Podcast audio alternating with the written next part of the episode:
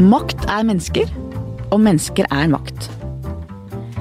Dagens gjest er kåret flere ganger til Norges mektigste kvinne, men det var før Erna Solberg ble statsminister. Hun har vært direktør nesten hele yrkeslivet, og nå er hun norske direktørers direktør, som admdir i næringslivets hovedorganisasjon, NHO. Kristin Skogen Lund, velkommen. Tusen takk. Først, du fikk mye juling, også her i VG, da du uttalte at det er en myte at det finnes et glasstak som gjør at kvinner ikke når toppen. Det skal vi komme tilbake til. Men først. Som barn så trente du tre timer hver dag turning. Mm. I mange år. Yes, har du funnet ut det? Ja, det har jeg. Handler det om at du allerede som barn var usedvanlig utholdende og disiplinert? Eller kom disse egenskapene nettopp ut av alle de treningstimene? Det er et godt spørsmål. Jeg har nok vært utstyrt med en god porsjon eh, pågangsmot. Da. Jeg liker jo ikke å, å gi meg så lett. Eh, og jeg var ikke et sånt Jeg, var- ikke sånn Norges beste turner fra starten av, hvis du skjønner. Altså det, det var sånt, det var, jeg var på et lag, og jeg måtte jobbe hardt. Og jeg husker første gang jeg liksom kom med på A-laget. Jeg syntes det var helt utrolig at hun kunne velge meg. Jeg hadde aldri forventet og sånn. Så det, det var en viktig tid og læring for meg det der, å være en del av det laget og ikke Ja, og liksom kanskje hele tiden se at jo, jeg kan faktisk få det til, selv om jeg ikke nødvendigvis i utgangspunktet trodde det. Det var nok mest en sånn greie for meg. Vi er like gamle, vi er 50 år i år, begge to. Vi vokste opp under den kalde krigen med atomtrussel og et delt Europa. Og Berlinmurens fall i 1989 kjennes jo både veldig lenge siden ut, for meg i hvert fall, og som i går samtidig. Og du har fortalt tidligere at du var mye redd i den perioden. Hva var det du var redd for? Men det, altså det er lett å glemme, men, men eh, vi hadde jo det der hengende over oss hele tiden. Eh, og jeg dro til USA for å studere i 1986, og da var det rett og slett en øvelse på universitetet om hvordan vi skulle håndtere et atomangrep. Eh, hvordan man skulle grave seg ned, hva som var sikre kjeller å gå til og sånn. Så dette, dette var jo noe som vi var omgitt av. Det var jo, det var jo reelt. Eh, Og det er veldig lett å glemme. Eh, Jeg er enig med deg, men vi vokste opp med det der, og det var ikke så altså da, da vi vokste opp, så var det ikke så innmari lenge siden det hadde vært krig heller. Alle voksne rundt deg hadde jo levd krigen, ikke sant. Så det var, det var en annen følelse på det der. Tenker du at vi hadde større eller mindre grunn til å være redde enn de som vokser opp i dag har? Det er et eh, veldig godt spørsmål. Eh, kanskje hadde vi litt større grunn fordi det var, så, det var nærmere i tid at det hadde skjedd så mange eh, voldsomme, verdensoppspennende ting, ikke sant, med både krigen og med, med Og det var jo flere kriger, ikke sant. Det var, Vietnam, det var krig i Vietnam, og det var krig i Korea. Det, det var krig. Det er det for så vidt i Midtøsten i dag også, men det var kanskje Ja. Eh, på en måte noe som var nærmere oss, kanskje. Ja, det tror jeg riktig kjente så mye nærmere. Det Ja. angikk oss Mm. enda mer. Ja.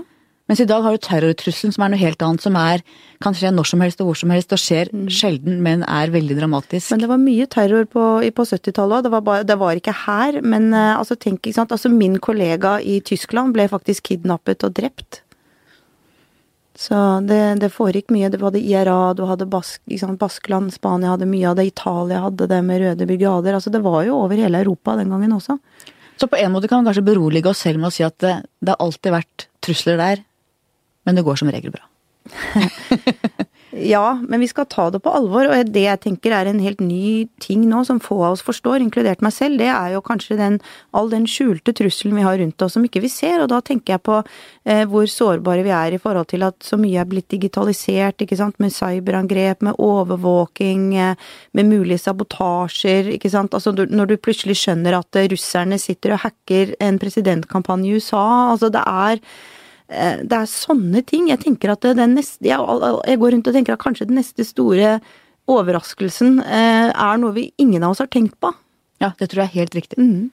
Og på en måte, man må være beredt samtidig som det er godt at vi ikke vet Ja, og man kan i hvert fall ikke gå og tenke på det hele tiden, for da blir Nei. man jo sprø. Så det går ikke. Man, man kan ikke gå og bekymre seg altfor mye for det man ikke kan gjøre noe med, men jeg tror, vi, jeg tror heller ikke vi skal være naive. Faren din var godt voksen da du kom til verden, han var 50 år, Mm. og dere to ble veldig nære. Fortell om faren din. Åh, ja, pappa var en veldig flott person. Han, eh, hadde, han vokste opp på Rjukan eh, i 20-årene. og var veldig De var fattige, kom fra veldig enkle kår, og Men pappa sto på, var flink på skolen, eh, fikk låne penger av en ingeniør på Hydro. Og endte opp med å ta, få ta universitetsutdannelse. Og eh, imellom alt det der så var han eh, Milorg-leder på Rjukan under krigen. Gikk i klasse med Gunnar Sønsteby og Knut Haugland og den gjengen. De var en gjeng. Eh, og eh, midt oppi kanskje litt sånn eh, eh, Hva skal jeg si Lille Rjukan så kom på en måte verdens begivenheter til dem med denne tungtvannsaksjonen, og det var imponerende hvordan de gutta organiserte seg og gjorde det de gjorde, og fikk den betydningen de fikk. Pappa han ble arrestert og endte i tysk konsentrasjonsleir, satt der i to og et halvt år. Overlevde så vidt, men hadde jo da selvfølgelig opplevd Eh, de utroligste forferdeligheter og sett i hvert fall de verste sider av menneskeheten. Men han klarte på tross av det å leve et eh, veldig normalt liv, hadde gode jobber, skapte en veldig god og trygg familie for oss. Og så var han aldri bitter. Jeg hørte rett og slett aldri min far si ett vondt ord om noen, noen gang. Og så tror jeg han hadde dette pågangsmotet, som vi var litt inne på før. Og så var det noe med Altså, det var noe med toleransen hans og mildheten hans øh, og storhet Hans stille storhet, om jeg kan si det sånn, som nok gjorde at øh, han har vært noe å strekke seg etter. Man sier jo ofte at konsentrasjonsleirfanger de snakker jo veldig sjelden med barna sine om det som har skjedd. De snakker kanskje med barnebarna, for der er det kommet litt avstand. Men du var en liten attpåklatt. Hvordan var dette for deg og for søsknene dine? Fortalte han mer etter hvert? Mm. Fikk du vite mer enn de større barna i familien? Mm. Akkurat sånn var det hos oss, fordi mine, mine søsken er fra 9 til 13 år eldre enn meg. Og da de var små, så ble det aldri snakket om. Eh, og da jeg var liten, så var det sånn at hvis jeg spurte, så kunne vi snakke om det. Det var ikke et tabu. Eh, men da han ble eldre, og han skrev også en bok i 1992, da kunne han selv snakke om det.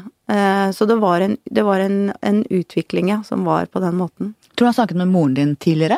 Eller var det et sånt taushetsbelagt tema for han som han ikke orket å gå inn i? Jeg tror begge de to hadde sine krigstraumer, og det hadde mamma på sin måte også. Eh, og de ble sammen, de ble sammen før han dro i konsentrasjonsleir, faktisk.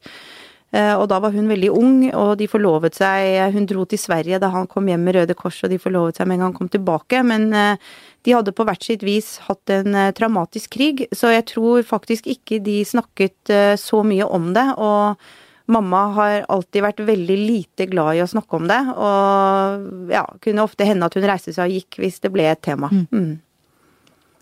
Da du var 20, i 20-årene selv, så reiste dere på sånn familietreff i konsentrasjonsleirene og han møtte gamle medfanger, mm. og dere møtte barn og barnebarn. Mm. Eh, det må ha vært et veldig sterkt og rart, underlig fellesskap. Mm. Ja, det, var, eh, det, er noe av det mest spesielle jeg har opplevd, for der var det som sagt bare folk som hadde en veldig tett tilknytning til det. Og da ble det en stemning hvor, uh, hvor, det ble en veldig åpenhet. Og jeg kjenner jo, bortsett fra min onkel som også satt i konsentrasjonsleir, så kjenner jo jeg ingen andre enn en de to som har gjort det. Og, og, da satt jeg, jeg husker så godt, jeg satt på en buss med en eldre mann fra Bergen som fortalte meg sin historie, og han hadde jo kommet hjem til Bergen etter krigen og opplevd at kona hadde giftet seg med en annen mann. Og hadde jo, De fikk jo ingen penger, ingen hjelp, ingenting da de kom tilbake til Norge. Så han hadde ikke noe sted å gjøre seg, så han måtte flytte inn hos kona og den nye mannen i over et halvt år før han hadde liksom klart å komme seg nok på beina til å forsørge seg selv. Så du kan tenke deg hvilke, hvilke skjebner det var. Og det gjorde et voldsomt inntrykk på meg å møte mange av de som ikke hadde taklet dette så bra, og som ikke hadde hatt det så greit etterpå. Og det var mange sterke historier, og det var eh, veldig sterkt for meg å kunne få ja, dele det så direkte med de jeg traff der nede. Hvordan har faren din sin historie preget deg? Hva har den gjort med deg? Um, ja, altså jeg har vel fått en veldig Jeg har kanskje fått en veldig sånn respekt for uh, hva som virkelig betyr noe, da. Uh, jeg har han liksom denne, ikke sant, denne innprentet uh, Uten at han noen gang innprentet noen ting. Det var det som var så fantastisk med pappa. Vi bare forsto det. Han trengte aldri å si noe. Men ved eksempelets makt, kanskje, så um, Og igjen, jeg får trekke mamma med i det også. Eh, et eller annet med at du skal bare Du skal liksom ikke svikte, du skal ikke ljuge, du skal ikke Du skal ikke Ja, du skal være ærlig, du skal ha hederlige motiver, du skal Stå på, ikke gi deg. Um, et eller annet med det kanskje som jeg tror har uh, vært viktig å huske på. Og den andre tingen er det med at du vet, når du har opplevd noe sånn, så blir mye annet ganske smått. Eh, så hva er det som er de virkelig viktige tingene å kjempe for? Det tror jeg kanskje han eh, skapte en dimensjon på. Du har sagt Han satte en standard for hvordan man skal leve. Det syns jeg er innmari fint sagt. Ja, har jeg sagt det? Ja, det ja, egentlig, ja, da oppsummerte jeg det bedre der, sikkert. For det, ja, han, det var noe med det. Han, han, han, la, han la lista på et vis, og han sa aldri at den lå der, men vi bare skjønte det. Og så snakke om mat, da. Det er det mange som forteller om etter, krigs, eh, etter krigen. At man ikke skal kaste mat. Du har sagt du har mm. vokst opp med brød med mugg. Ja. Jeg husker mine besteforeldre som også opplevde krigen og bodde i byen med lite mat. Vi måtte jo drikke sur melk når de var barnevakter, mm. for man skulle ikke kaste noe. Ja, det har jeg gjort òg. Ja. Men du blir sur når ungene dine tar den nye frukten først? Ja, altså det, det, må jeg ærlig innrømme at det er en ting som frustrerer meg litt, fordi jeg eh, jeg har ikke klart å overføre helt de verdiene eh, til mine egne barn, og det har jeg veldig flotte barn, altså. Men akkurat det der har jeg nok ikke helt lykkes med, og det handler dels kanskje om at jeg også har vært så travel at jeg har ikke vært der i hvert øyeblikk hvor jeg har måttet innprente det og være konsekvent. Det har litt med det å gjøre. Men det har jo selvfølgelig også mye med den at de har vokst opp i en, en helt annen velstand og et helt annet type samfunn enn det jeg gjorde. Det har skjedd veldig mye med Norge på 30-40 år. Eh, men jeg ser jo det at eh, de, eh, hvis det ligger frukt, ikke sant, og det er en brun flekk på det, så spiser ikke de det eplet, ikke sant. Da er det jeg som spiser eplet med den brune flekken. Og det tenker jeg, hvorfor, er, hvorfor skal det være sånn? Altså det er Men har ikke, det har jeg ikke lykkes med. du er ekstremt nøktern, sier du. Er du rett og slett litt gjerrig? Det er stor forskjell på å være gjerrig og nøysom. Så jeg håper at jeg er nøysom, men ikke gjerrig. For det var nemlig neste spørsmål. Er det ulike begreper? To ulike begreper? Ja, det er det. Altså, hvis du er gjerrig, så deler du ikke og liksom eh, takker regningen og alt det der. Sånn håper jeg virkelig ikke at jeg er. Men, eh, men nøysom i den forstand at jeg hater sløsing. Eh, jeg, jeg, liker ikke å jeg, jeg, liker rett og slett ikke sløsing, og det er for mye sløsing. Så du er mer gjerrig på dine egne vegne enn på, i forhold til andre? Ja, det, jeg er det og, det. og, jeg er også selvfølgelig helt inkonsekvent, for jeg er gjerrig på de merkeligste ting. Og så kan selvfølgelig også Jeg skal jo ikke sitte her og late som at ikke også jeg bruker Du drikker mye dyr vin? Ja da, og jeg bruker penger på det ene og det andre som, eh, som ikke kan kalles nøysomhet. Så, men jeg bare merker at det sitter i meg på sånne kanskje ofte mindre ting, da. Du hadde jo en veldig trygg og privilegert oppvekst i Bærum.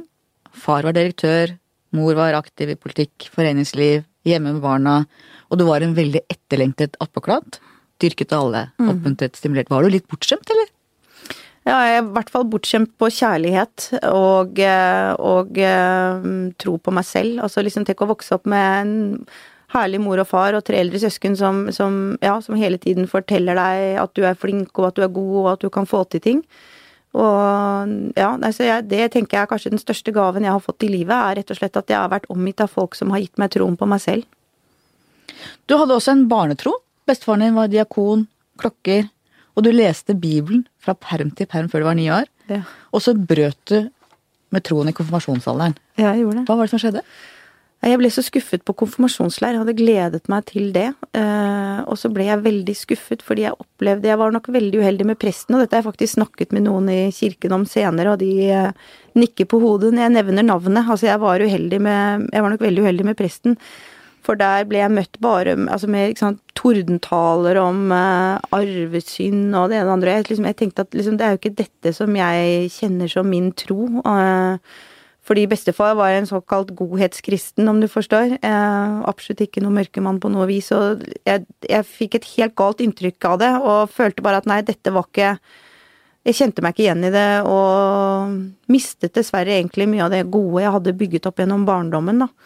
Det er jeg for så vidt lei for. Jeg er fortsatt en spyr... Jeg vil si liksom, jeg har jo en Jeg har liksom en eh, Ja, altså jeg jeg er jo et slags tenkende og spirituelt menneske på et vis, men jeg, jeg, jeg kjenner meg liksom ikke igjen i alle dogmer og ritualer. Tror du mer på stjernene enn på Gud, eller?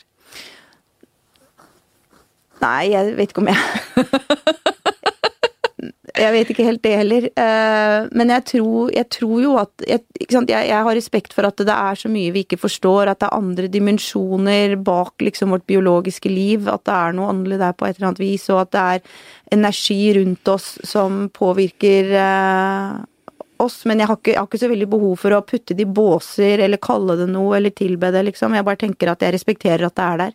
Det er noe som er større enn oss? Ja. ja. Eh, til Vårt Land sa du for tre år siden Jeg er en veldig positiv person. Jeg bekymrer meg ikke for noen ting. Jeg tror godt om det meste og grubler lite. Jeg er også veldig sjelden lei meg. Jeg har det utrolig godt inni meg. Det sitatet måtte jeg lese to ganger, og så tenkte jeg meg selv det kunne jeg aldri ha sagt eller tenkt. Og jeg tenker Da er du enten veldig forsont med alt som er vanskelig i livet, eller så er du velsignet med en bekymringsløshet som jeg virkelig misunner deg. Ja, kanskje det, ja, det er mest det siste. Altså, jeg er velsignet med, med bare rett og slett et rolig sinn. Altså, jeg, jeg, ja, og folk ville sikkert blitt litt skuffet hvis de kunne se inni hodet mitt, fordi de ville bli overrasket over kanskje hvor lite spennende det er. Altså, jeg går ikke og tenker så fælt, eller har sånne voldsomme ting inni meg. Jeg bare Jeg lever et veldig enkelt liv innvendig, og det er deilig og, og rolig. Mm. Jeg blir litt misunnelig, kjenner jeg. Ja. Jeg skulle ønske av og til at jeg kunne lære det bort, for jeg tror også at veldig mange påfører seg selv mye bekymring og kanskje komplekser og uro som, eh, som de kanskje egentlig ikke hadde behøvd. Men det er umulig å lære bort, altså det, men jeg, jeg, er enig, det er en slags gave. Mm. Når møtte du første gang ordentlig motstand i livet ditt? Ja, å, jeg har jo møtt motstand eh, på mine vis på mange måter, men eh, men igjen, der ser du, jeg kan nesten ikke svare på det spørsmålet. For jeg, jeg, jeg, jeg, tenker ikke sånn på det. Du føyser det bort? Og, du, liksom. ja, og i sted så sa du at jeg hadde blitt kraftig kritisert eller fått kraftig motstand på glasstaket, for eksempel. Altså, ikke sant. Jeg det ble litt overrasket over at du sa, for at det, og selvfølgelig fikk jeg det. Hadde du glemt det, eller? Ja, for, at jeg, ja, for at jeg husker jo det når du sier det. Men liksom, altså, forstår du, jeg kan nesten ikke gjenfortelle det, for jeg går ikke og grubler over det. Jeg går videre. Du var i Telenor. Mm. Der var det tøft for damer, har vi skrevet og lest mye om. Mm. Eh, hvordan opplevde du selv å være der? Ja, altså du vet, For meg så var det et ganske stort sprang, for jeg var sjef i Aftenposten eh, med en omsetning på rundt 3 milliarder, og så fikk jeg ansvaret for halve omsetningen i Telenor, hele Norden og broadcast og noen andre ting også, eh, med over 50 milliarder i omsetning. Så jeg, liksom, jeg tok et kjempebyggs. Og jeg gikk over i en ny bransje og en helt ny, stor global organisasjon, så det er klart det var, eh, det var jo et krevende steg å ta. Det hadde det vært uh, uansett. Eh, så er Telenor en gjennomprofesjonell organisasjon. Altså jeg har aldri jobbet noe sted i nærheten av noe som er så profesjonelt og så dyktig som Telenor. Veldig mange flinke folk som vi, som vi aldri hører om, men som jeg er helt sikker på er blant Norges dyktigste næringslivsfolk. Veldig mange flinke mennesker der. Så det var et godt miljø, det var et hyggelig og lærerikt sted å jobbe, og ikke minst var, var det storslagent, fordi det er stort og det er globalt og, og det, liksom, det, det, er ordentlig schwung over det. Men det er klart det var, det var tøft. Det er eh, knallhard konkurranse. Det var ikke spesielt preget liksom, Vi hadde ikke Ja, det var ikke vinlotteri på fredag, hvis du skjønner. Det var ikke sånn. Det var, det var tøft, det var hardt. Det var ikke noe sånn, det var ikke noe koseklubb. Eh, og det var resultatene som talte hele tiden, og man ble hele tiden Man ble veldig ofte utfordret, fikk kanskje ikke alltid så mye ros. Så det var, jeg skal ærlig innrømme at det var, eh, i forhold til hva jeg var vant til, så var det en tøff tid, men jeg ser tilbake på det som noe jeg lærte veldig mye av. Jeg ville aldri vært det foruten, og jeg tror faktisk ikke jeg hadde klart den jobben jeg har i dag på samme måte hvis ikke jeg hadde hatt den erfaringen. Nå må vi snakke om glasstaket, da. Eh, en kommentator oss skrev følgende at mentalt dresskledde kvinner generaliserer andre på bakgrunn av egne privilegerte erfaringer og undersøkelser, er ikke nødvendigvis den optimale måten å skape debatt om komplekse problemstillinger på. Du sa altså at du trodde ikke at det fantes noe glasstak, og du sa at du ikke har opplevd det mange kvinner har opplevd på sin vei oppover i næringslivet. Mm.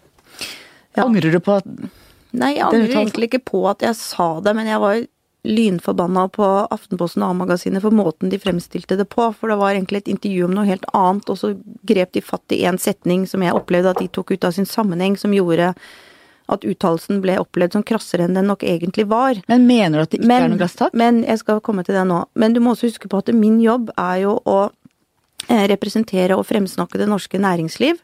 Og det er et næringsliv som trenger flere kvinner eh, i ledelsen, og vi har ikke lykkes godt nok med det.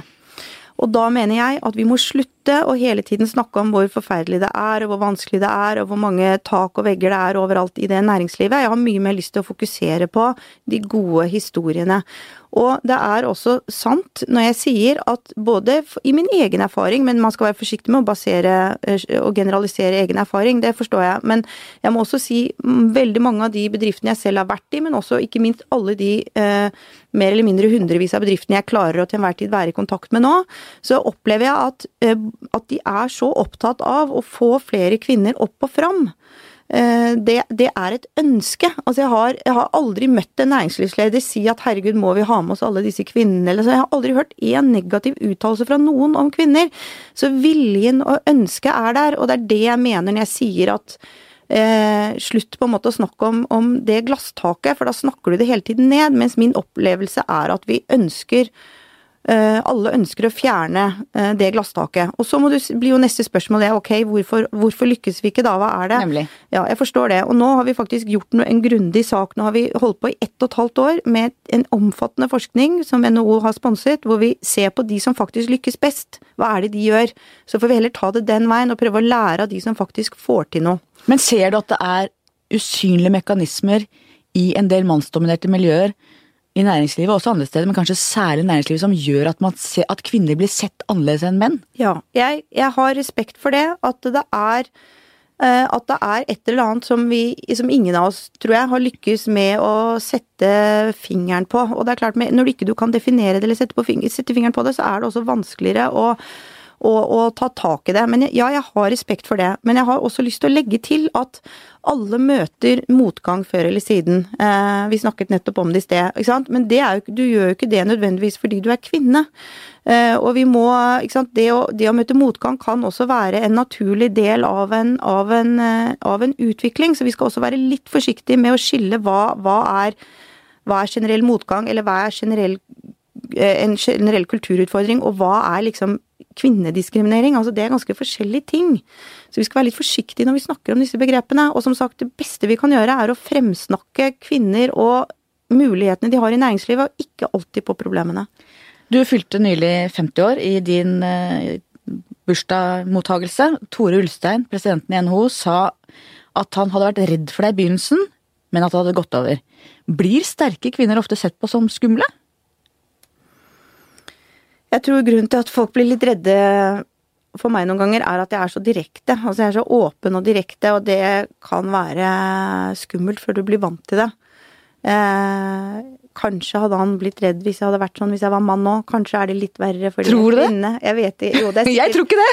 nei, det er sikkert litt verre fordi jeg er kvinne, fordi man kanskje ikke forventer det på samme måte. Det er godt mulig, det. Men igjen, da. Da kan ikke jeg la meg kua det. Jeg er som jeg er, og, og stevner frem, liksom. Altså jeg eh, det, Den kommentaren der, for eksempel, eh, tenk, reflekterer ikke jeg over. Mm. Eh, det, altså, sånn er det. Obama, Barack Obama har jo sagt om Hillary, det satte hun veldig pris på. Han har sagt at hun må gjøre det samme som alle menn, men som Ginger Rogers så må hun danse baklengs og med høye hæler. Det er en trangere jakke for kvinner. Du ser altså Hillary eh, Man snakker om at hun kan bruke mindre kroppsspråk, strekke armen kortere ut, le mindre høyt enn en mann. Mm. Ser du de, de, den trangere jakka som mange damer ofte har i ja. den type stillinger? Ja, jeg gjør det. Og nå skal jeg kanskje si noe litt oppsiktsvekkende. Eh, jeg er jeg tror det er en fordel for meg at jeg ikke er smellvakker. Jeg tror det er veldig vanskelig å være Jeg tror noen av de vakreste kvinnene i norsk næringsliv møter det mest. Har jeg faktisk notert meg. Som et eksempel på det du nettopp sa. Hvordan gir det seg utslag? De blir sett på som ja, eh, kvinne istedenfor rolle? Nei, Nå har jeg ikke lyst til å nevne navn og sånn, men jeg bare, jeg bare, merker meg at kvinner som, eh, som, nok objektivt sett er veldig vakre, eh, har, en, har, en, mye større tendens eh, til å støte på Altså, de, de virker mer provoserende. Eh, og eh, blir tillagt alle mulige motiver hele tiden som jeg ikke tror de har. For jeg kjenner mange av dem, og de, jeg syns de er utmerkede mennesker alle sammen, og, og, kan ikke egentlig forstå hvorfor det skal være så, så mye styr rundt dem hele tiden. Eh, og det tror jeg har med det Det har jeg merket meg, det tror jeg faktisk har med det å gjøre.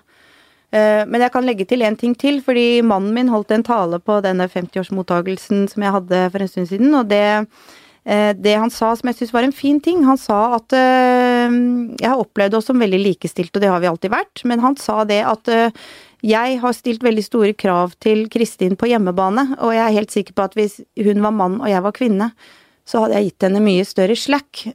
Og hadde, hvis mannen min Han sa hvis jeg var kvinne, så hadde nok folk sett på meg som en, som en hurpe, mens nå er jeg bare en veldig moderne og likestilt mann. Mm.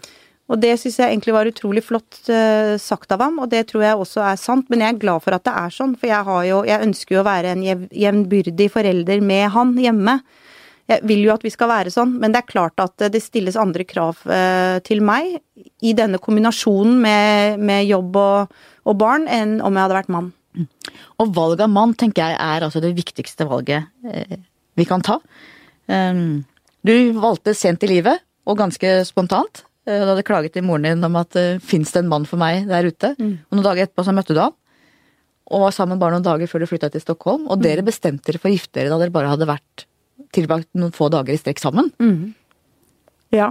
Jeg var altså, igjen da, jeg, jeg er et velsignet menneske. Og jeg var altså så heldig å rett og slett bare møte møte den jeg med en gang forsto at jeg skulle dele livet med, og det skjønte jeg med en gang, og det forsto han òg, og det var akkurat som jeg hadde Det var akkurat som, han hadde, det var akkurat som jeg hadde kjent ham bestandig. Dette høres veldig klisjéaktig ut, men var, han var ikke en fremmed person da jeg traff han. Det er litt sånn romantikk. ja.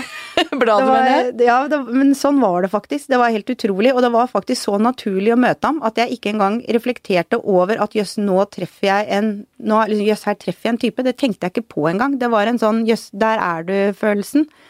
Så det, det, gikk veldig fort, eh, fordi vi var så trygge på det begge to, og det har jeg aldri angret på. Og jeg hadde en amerikansk venn av meg som hadde opplevd å avlyse et bryllup noen dager før, og han var jo forferdet over hvordan jeg kunne gifte meg med Christian så fort. Og da sa han hvordan i verden kan du, hvordan kan du vite eh, at uh, this is the angel, som han kalte det. Eh, engelen. Og da sa jeg at du vet det, Erik, at hvis du i det hele tatt stiller deg spørsmål om det, så er det ikke rett.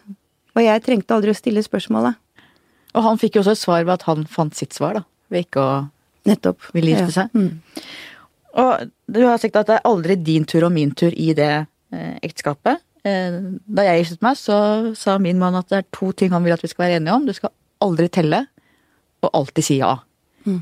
Og det er noe av det samme der med ikke å telle og det å være jevnbyrdig i et forhold. Og jeg tror som du sier også at veldig mange kvinnelige næringslivsledere, eller ledere, har jo menn som har fulltidsjobber, menn som er deler og tar det som en selvfølge at man skal dele. Mens veldig mange mannlige næringslivsledere har jo ofte kvinner som er hjemme eller jobber deltid, som stiller veldig opp. En historie som jeg også har skrevet på trykk om en eh, kvinne som hadde en mann til bords som var en veldig fremtredende næringslivsleder, og la ut om hvordan han og kona hadde blitt enige om at de skulle jo måtte satse på hans karriere, og hun hjalp han veldig, og til slutt ble hun dama her så lei, så hun snudde seg og sa hun, neste gang syns jeg du skal skaffe deg en jobb du kan klare selv. Ja. og det er, jo, det er jo noe med den. Betyr det at det er mer krevende å være kvinnelig leder fordi at du må ta mer på hjemmebane, eller betyr det at du egentlig får mer balanse i livet og derfor blir litt klokere? Ja, det bør i hvert fall være eh, det siste. Eh, at, det, at, det, er positivt. Og, og, det er også sånn jeg ønsker å ha det. Men det er klart at innimellom så har det Jeg skal jo ikke late som at ikke det der har vært eh, krevende, for det har det til tider. Og jeg har vært helt ikke sant, Jeg har vært utslitt, og jeg har eh, opplevd at jeg ikke har uh, hatt nok tid med barn, og jeg har hatt dårlig samvittighet, og selvfølgelig har jeg det. Men, men igjen, da, så har jeg ikke sant, jeg har, jeg har samtidig visst at ok, det er disse valgene jeg har tatt, det er sånn jeg mener at det er riktig at vi lever vårt liv, og jeg syns vi har fått det til på en god måte, en god balansert måte. Uh, det hadde nok vært annerledes hvis jeg var mann, uh, jeg, jeg, jeg er enig i det.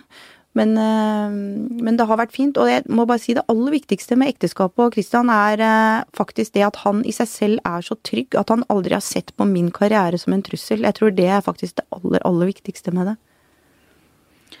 Norske menn er jo, med å si det, blant de beste i verden. Får de nok kred, eller? Nei, altså, jeg, de er det. Det, det, er, det er, og det er derfor jeg ønsker at vi ikke skal ha så mye sånn negativ debatt på at det er så vanskelig å være kvinne, og det er så mange glasstak og sånn. Jeg, jeg, jeg, har lyst til å fremsnakke mulighetene. men går det ikke an å gjøre begge deler? Jo, eh, jo da. Men, eh, men, altså, de aller fleste, aller, aller fleste menn i dette land er eh, herlig moderne mennesker som ønsker oss vel, og som anser seg som likestilt med oss. og og som heier oss frem, og det, det, det må vi være glad for å ta vare på, og de mulighetene må vi gripe. Du ble jo i sin tid omtalt av en professor som eh, androgyn fordi du er sterk og tydelig.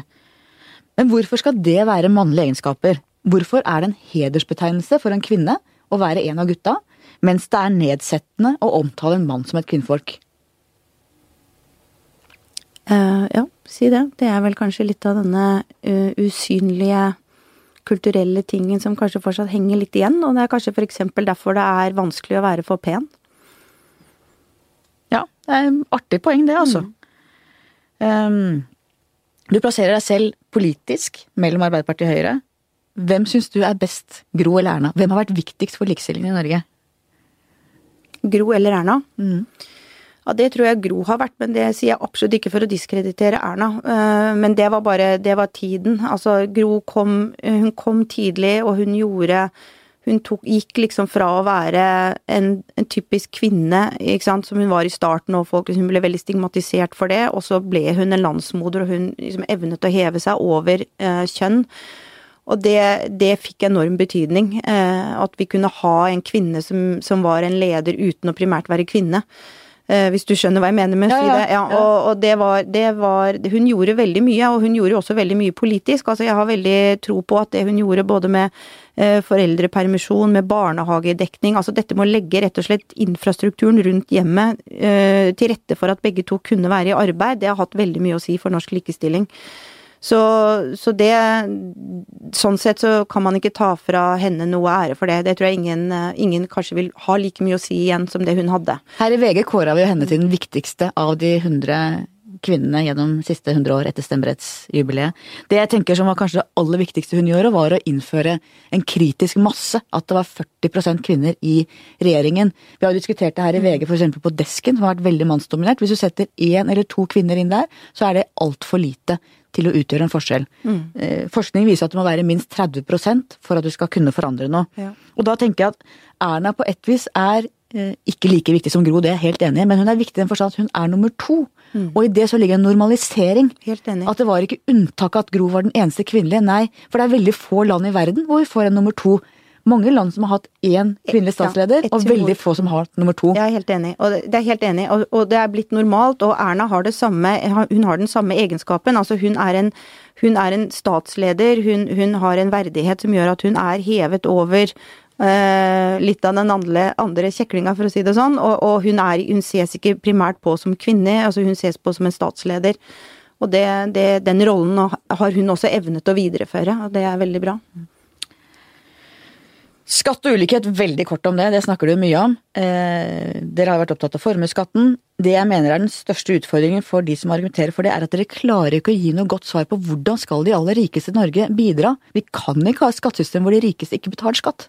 Ja, Det kan jeg gjerne bidra med, for det, det, er, det, er, ikke et veldig stort problem. Altså, skatt, det er en ganske liten gruppe vi snakker om, og den, de kan skattlegges ved å skattlegge f.eks. ekstra dyre eiendommer, spesiell type forbruk. Altså det er mulig å legge i en skatt som gjør at det treffer.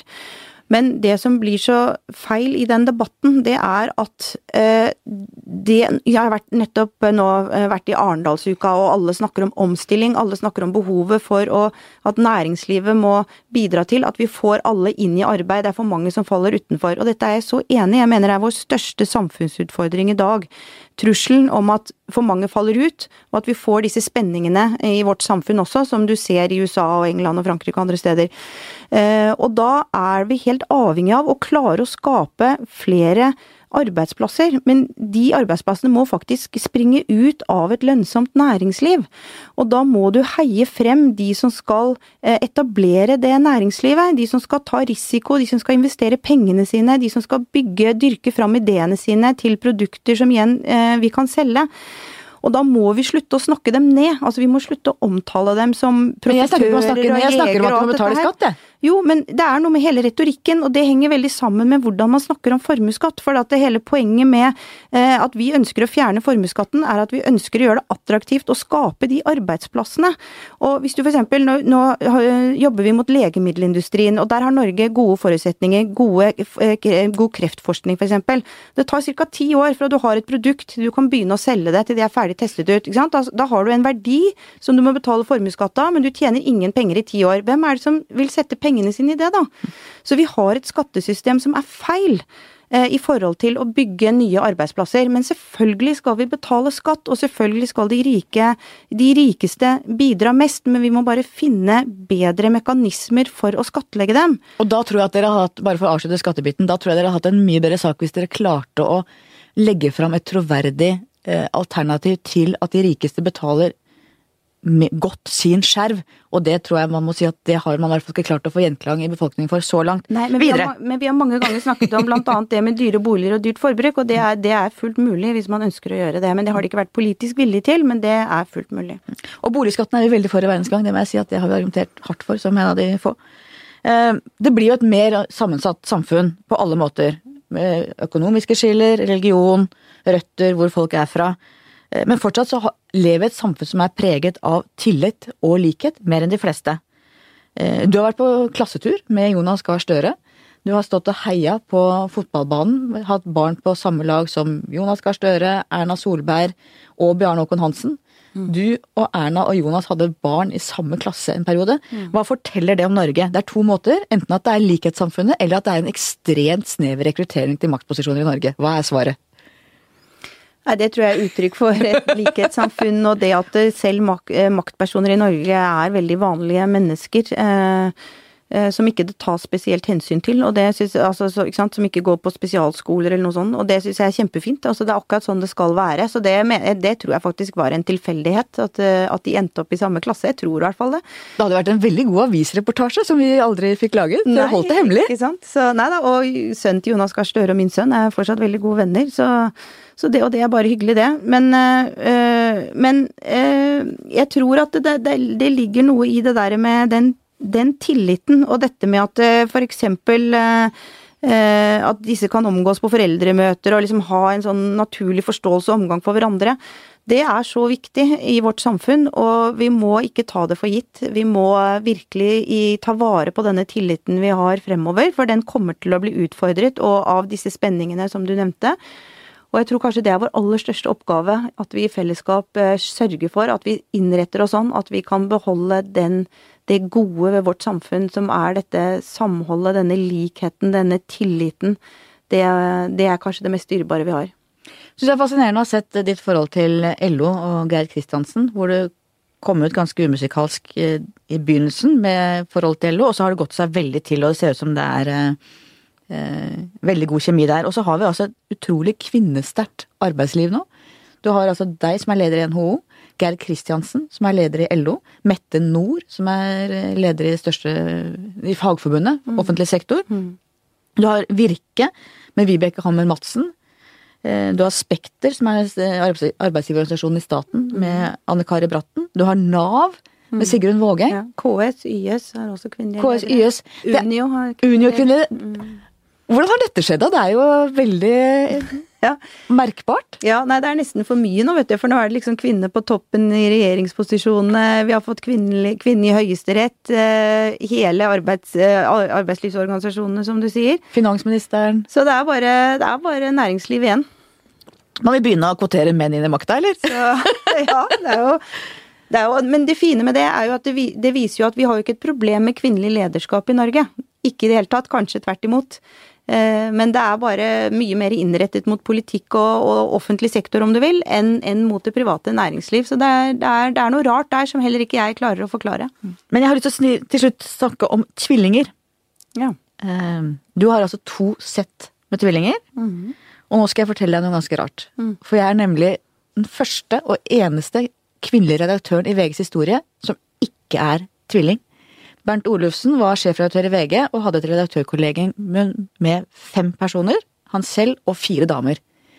Og tre av dem, Grete Ruud, Nina Gram og Helje Solberg, var alle tre tvillinger. Så tok Torry Pedersen over og fikk etter hvert eh, tre kvinnelige redaktører der. Fortsatt Helge Solberg og meg. Og Jane Tronsen, hun er også tvilling. Altså alle kvinnelige redaktører i VG, unntatt meg, er tvillinger. Og du har jo solid tvillingkompetanse. Ja. Hvordan forklarer du dette? Åh. Det Ja, det er kjemperart, da. Det er en utrolig rad av tilfeldigheter, tror jeg, da. Men allikevel, det er jo veldig spesielt. Noen tvillingforskere burde jo gripe tak i dette. Men ja, jeg har ofte tenkt det. Jeg burde vært, eh, jeg burde, jeg burde vært forsker, for det hadde vært veldig artig også å ha sånn, sånn godt tilgang til studiemateriale som jeg har hatt hjemme da, hele tiden. Men eh, jeg, det eneste jeg kan si, jeg tror nok kanskje at det er litt tilfeldig det der du nevnte, men allikevel så må jeg jo si at jeg tenker at det å vokse opp som tvilling, det gjør i hvert fall at du blir Du lever jo veldig tett på andre mennesker eh, hele tiden, og du lærer deg å dele og forholde deg til andre fra starten av. Så jeg tenker jo at det er flott å være tvilling og vokse opp i det fellesskapet som det er. Og hjemme hos oss har vi jo da to tvillingpar som det er ca. to og et halvt år imellom, så de har liksom hatt et utvidet eh, fellesskap med fire barn som er ganske jevn alder, da. Og det, det, tenker jeg, det har vært mye Det har selvfølgelig vært krangling og bryning til tider, for all del, men jeg tenker at til syvende og sist så tror jeg det vil forme dem veldig som eh, mennesker, og ikke minst øh, den der start, lærdommen fra starten av at det handler ikke bare om deg, det handler om hvordan du er i forhold til et fellesskap. Jeg snakket med en tvillingmor for noen år siden som hadde nå et voksent tvillingpar uh, som barn, men fortalt, og så var det en gutt i familien, og det var tre barn. Og hun fortalte at i tenårene så hadde de to tvillingjentene vært i en sånn maktallianse som nesten var litt sånn ekskluderende for resten av familien. At det ble et sånt fellesskap der som var nesten ugjennomtrengelig for de andre. Er det en problemstilling? Altså Det vi har opplevd, er at, og det har jeg også lest, at i, i tenårene så er adskillelsen fra tvillingen en, en viktigere prosess enn adskillelsen fra foreldrene. Eh, så det har vært det har nok våre liv vært litt preget av i det siste. Eh, så jeg vil heller si kanskje at hos at det er det som har slått inn, enn at disse har alliert seg så veldig mot oss. Eh, for jeg tror det er, det er mange følelser på mange måter. Jeg har akkurat sendt en av de eldste eneggede tvillingene nå som skal studere, gå, ta videregående i utlandet. Og det å for de to å, å skilles på den måten, det, det, tror jeg er, det tror jeg er mange følelser de går gjennom. Mm -hmm. Til slutt, mitt faste spørsmål. Hva skal bli historien om deg? Kristin Skogen Lund, det var hun som Virkelig fikk Norge til å verdsette sitt flotte næringsliv. det blir de glad borti NHO. Tusen takk for at du kom.